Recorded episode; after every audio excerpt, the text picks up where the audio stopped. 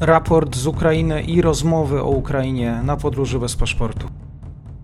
Dzień dobry wszystkim słuchaczom. Dzisiaj moim gościem jest pan Jakub Wiech, energetyka24.com. Dzień dobry.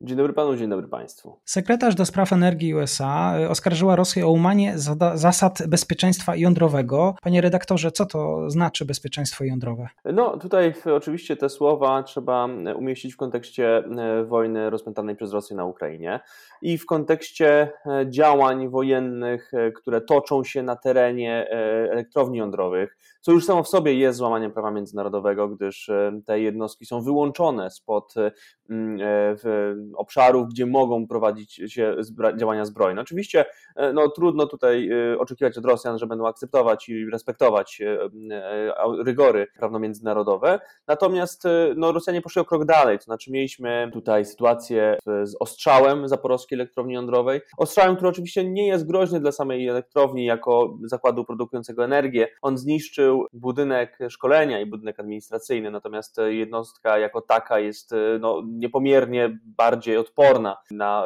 niż mogą tutaj zaszkodzić jej y, konwencjonalne e, pociski artyleryjskie. Dalej doszło do, do zajęcia samej elektrowni i tu już jest, wchodzimy na grunt naprawdę potężnego skandalu, bowiem Rosjanie, okupanci weszli do elektrowni zaporowskiej, elektrowni jądrowej, która jest największym tego typu obiektem w Europie e, i po prostu obwieścili załodze, którą wcześniej tam zgromadzili, że od dzisiaj operatorem tej jednostki jest Rosatom.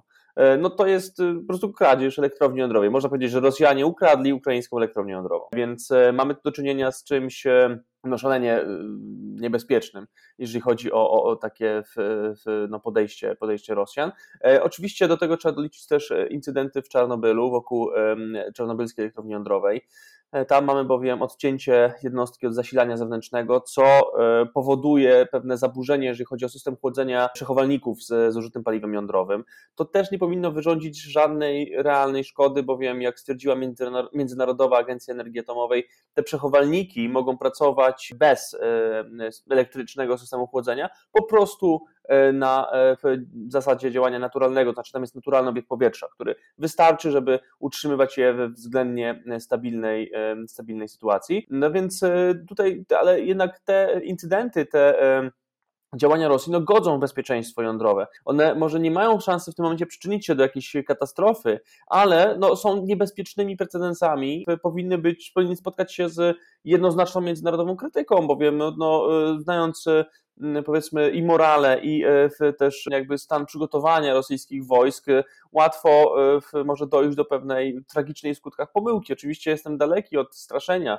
elektrowniami jądrowymi. To są świetnie zabezpieczone jednostki. Niemniej widzę, że po prostu Rosjanie lekce sobie ważą rygory bezpieczeństwa jądrowego no więc e, dopuszczam możliwość, że, że mogą wywołać po prostu problemy w pracy tych jednostek, pewne zaburzenia, które potem e, trzeba będzie w ten czy inny sposób odkręcać. Nie ma na razie powodów do obaw. Sytuacja radiacyjna po stronie ukraińskiej jest monitorowana na bieżąco. Tak samo monitoringiem są objęte inne państwa e, Europy, więc nie ma tutaj powodu do strachu. Natomiast jest powód do ostrej krytyki strony rosyjskiej, która po prostu pokazuje, że jest barbarzyńskim państwem lekceważącym prawo międzynarodowe, łamiącym je i nie robiącym sobie z takich e, no, bardzo powiedziałbym, racjonalnych zasad bezpieczeństwa. Tutaj nic, więc, e, więc to jest to pole, gdzie cały wolny świat e, powinien krytykować rosyjskich barbarzyńców. Ukraiński Energoatom poinformował o odejściu od rosyjskiego paliwa w swoich elektrowniach. Czy ten ruch to jest, pozwoli porzucić te wpływy Rosji właśnie w energetyce jądrowej na Ukrainie? Tutaj te wpływy Rosji w ogóle w energetyce jądrowej wyglądają dosyć specyficznie. To znaczy, w odróżnieniu od energetyki konwencjonalnej, od dostaw e, gazu, węgla, ropy, dostawy paliwa jądrowego no, niosą ze sobą znacznie mniejszy ładunek polityczny. To znaczy, po pierwsze, elektrownie jądrowe mają długi cykl paliwowy. Nie trzeba stać z opatą i dorzucać uranu do reaktora cały czas. E, wystarczy załadować pręty na mniej więcej rok, może półtora roku e, i potem tylko je wymieniać właśnie na tych długich cyklach. Więc to samo w sobie no, nie rodzi takiego niebezpieczeństwa na nagłego przerwania dostaw, które od razu przełoży się na, mm, na wstrzymanie pracy jednostek wytwórczych. Co więcej, paliwo jądrowe e, jest dosyć proste do magazynowania. To są e, właśnie materiały, które można kupić na zapas, nawet na kilkunastoletni zapas, więc nie ma tutaj właśnie tego bieżącego, e, konieczności bieżącego zaopatrywania w, w paliwo, chociaż oczywiście w, no, to się odbywa w miarę na bieżąco, powiedzmy tam co, co rok, co półtora, co dwa lata są takie dostawy realizowane w ten czy inny sposób. Niemniej e, to no nie ma tutaj tego, tych, tych kurków, które można zakręcić i z dnia na dzień wywołać prawdziwy kryzys. Poza tym rynek paliwa jądrowego jest dosyć szeroki, to znaczy oczywiście Rosja jest tutaj graczem dominującym przez bardzo dobry rozwój swojego sektora jądrowego. Rosatom jest największym na świecie dostawcą technologii jądrowych, ale można e, sam uran e, kupować na rynku od innych producentów, na przykład od Australii, od Kanady, od Kazachstanu, czyli od państw, które, które tutaj nie są w tym momencie dla nas e, agresorem. I potem te, ten zakupiony surowiec trafia do zakładów przetwórstwa E, które produkują z niego już gotowe paliwo jądrowe. Takie zakłady pracują w Europie w kilku państwach, na przykład w Niemczech, w Szwecji, w Hiszpanii, więc jest tutaj w czym wybierać. Więc e, to ten krok ja widzę jako kolejny krok w kierunku takiego właśnie uniezależniania się Ukrainy od Rosji. Warto podkreślić, że to jest państwo, które od 2015 roku nie kupuje gazu bezpośrednio z Rosji, kupuje gaz na rynku europejskim, częściowo też rosyjski, ale jednak nie bezpośrednio od Rosji. Tutaj nie ma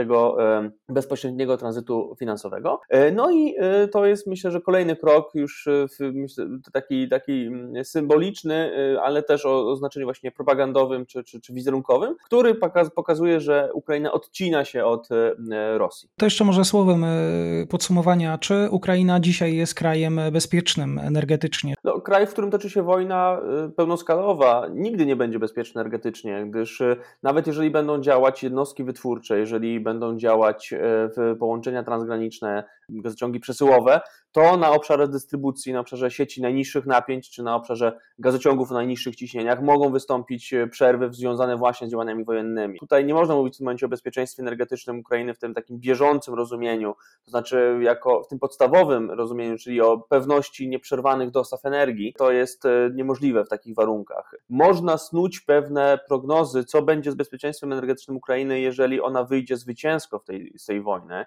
No i tutaj już się pojawiają ciekawe możliwości. Jak wiemy, Ukraina od 24, a w zasadzie jeszcze 23 lutego jest autonomicznym systemem elektroenergetycznym. To ona przeprowadziła akurat w nocy inwazji tak zwany test wyspy, czyli odłączyła się od europejskiego, od, Niemiec, od sowieckiego, nazwijmy to, bo to jeszcze jest system budowany z Związku Sowieckiego, systemów elektroenergetycznych i jest teraz autonomiczną jednostką, autonomicznym systemem na mapie energetycznej Europy.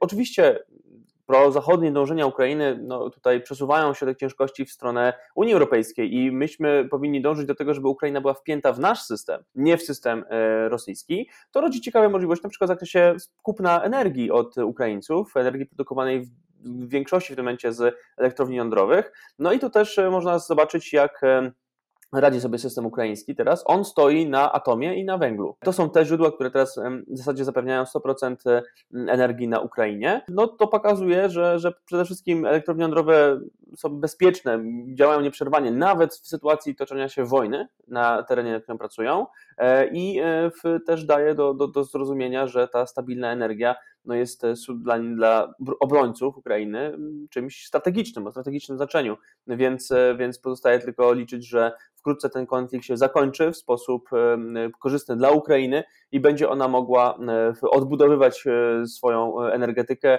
włączać się już w, w ten zachodni świat, również w energetycznym rozumieniu. Jakub Wiech, Energetyka24.com był moim gościem. Serdecznie dziękuję za ten komentarz i do usłyszenia. Dziękuję również. Do usłyszenia.